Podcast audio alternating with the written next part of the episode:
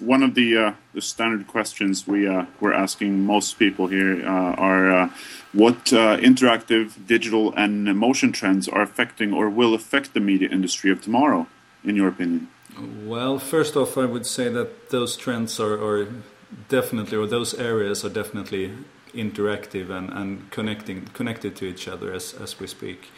Um, I, I would put them in, in one big bag and say that what we see right now is that everyone is sharing everything all the time and mostly in real time. It's uh, we are moving towards a, a, constant sharing of, of everything that's around us, be it um, family occasions, experiences, uh, ideas. Uh, sharing is definitely the, the, the big trend I see right now. And it, it definitely gravi- gravitates towards real time as well as, as um, the means of sharing are getting more and more uh, evolved.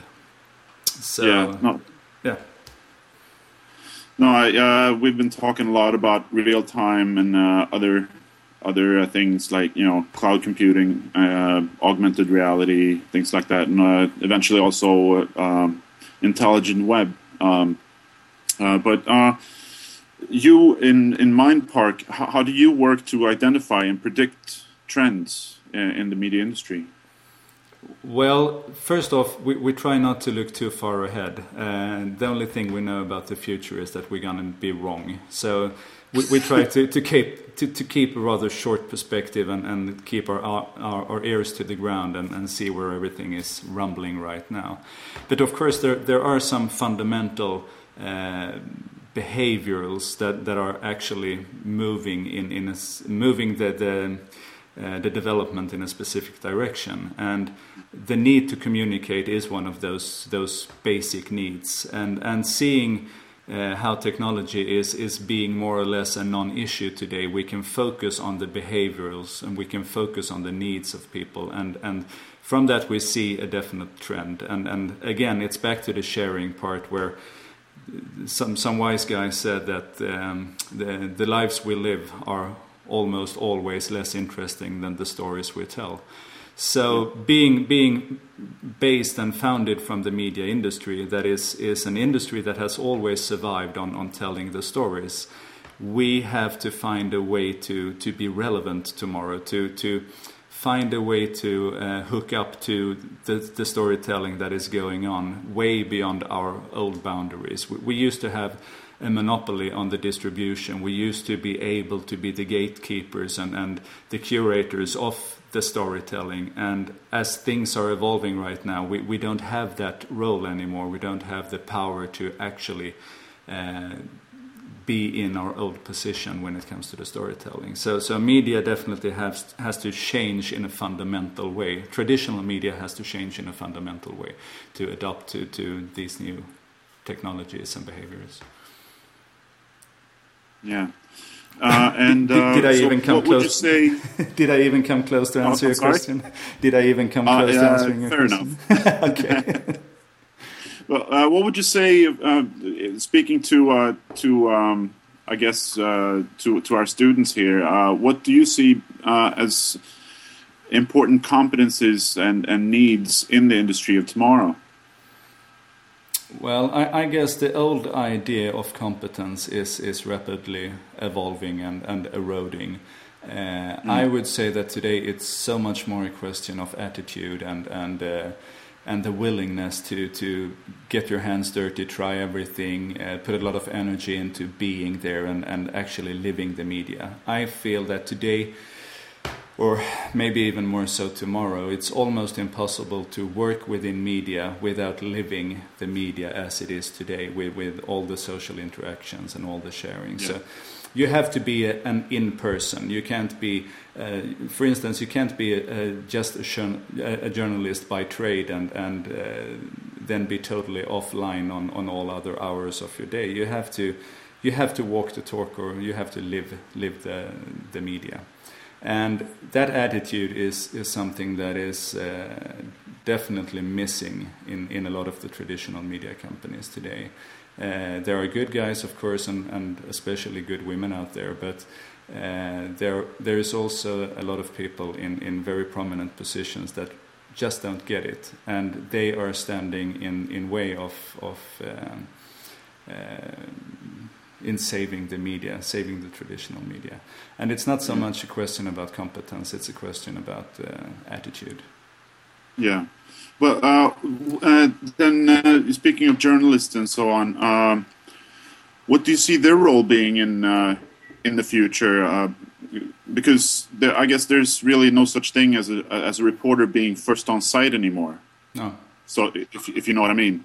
Definitely.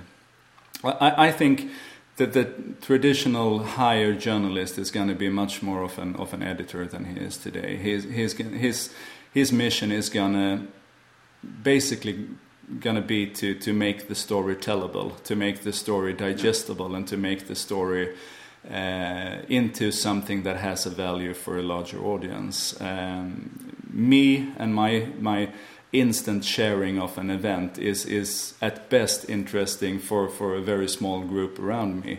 But to make that story tellable to a larger audience, I think the the, the traditional editor uh, way of doing things is is going to play a role.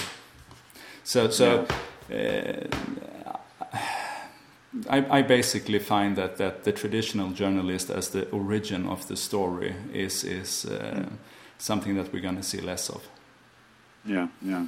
So how, how do you how do you think traditional media is going to have to deal with uh, with this change uh, in the next few years? How, what, I guess that's really your forte, so to speak. Yeah. but what what what in your opinion is what what do they need to do?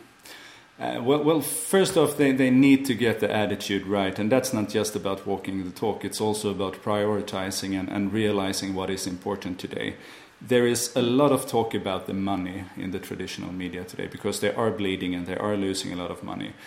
But they are very clumsy when it comes to business development. So I would actually, or I do tell traditional media that first off, ignore the money and, and focus on the user and make sure that you find a way to be relevant tomorrow. Because as, as Google and, and others has, has taught us, if there is only a large enough user group that cares about what you do, you can always find ways to monetize on them. So, so number one for traditional media is to focus on the user and, and make sure that you're relevant tomorrow.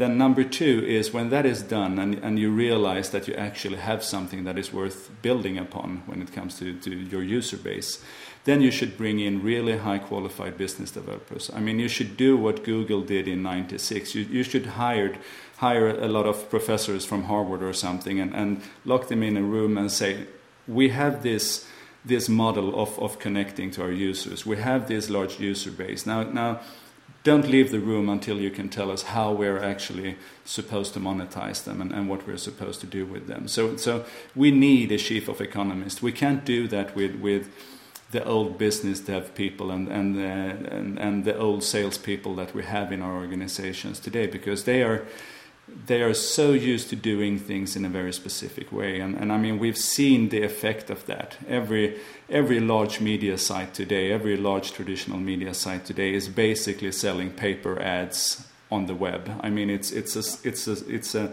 it's a spot and it's a time and, and it's, it's a terrible way of trying to make money of things. So we need to really, really develop the business, and, and that should come second after realizing that we actually have something worth building upon. So, so that that's my two points, uh, my two major points to the media company today. Okay. Uh, well, one thing that that uh, caught my ear here when when you were mentioning uh, talking about that was uh, you said uh, focus first, then then bring in the the business people or the, the, the Harvard people, or, or so you said. Uh, what what about maybe letting go a little bit and opening it up to uh, to the community to to maybe find ways instead of because I see uh, very much things moving away from being in a locked room keeping secrets. It, everything's becoming very much more open. Right. Uh, take take Boeing's example. Take you know all these great examples of of uh, including instead of excluding. Right. As you know, I'm I'm a little bit of a Mr. Transparent. I love the ideas of, of being totally open with everything and, and crowdsourcing where possible. But that yes. that basically puts a lot of strain on, on the organization as well. You have to be able to curate a, a, process like that. And and in the best of worlds, of course, that is what the traditional media companies should do. Uh, in reality, I think they would have. Uh, the task of trying to do this kind of, of major development together with the users is, is, a task that's way too big. So when it comes to the first point, to, to actually make sure that you're relevant tomorrow, yes, bring in all the users you can and, and make sure that that is a collaborative effort. But when it comes to the, the specific business development, I think you have to basically lock some smart people into a room. Not, not to keep it a secret. I mean, you can have a webcam there all the time, yeah. and you can make sure that they're working open documents and that there is some input coming in. But it, it's a matter of, of actually focusing and keeping the eyes on the ball. So if, if, if the yeah. traditional media companies are supposed to, at any time at all in our future history, find a business model that works, they have to be able to focus 100% on that task. And I think that requires a, a, a room where the key has been thrown away for a while. Gotcha. Yeah. Well, thank you so much for your time, and uh, I will uh, keep you posted on uh, on our uh, progress and uh, what we come up with. And I'm gonna switch off English right now. So. okay. Thank you.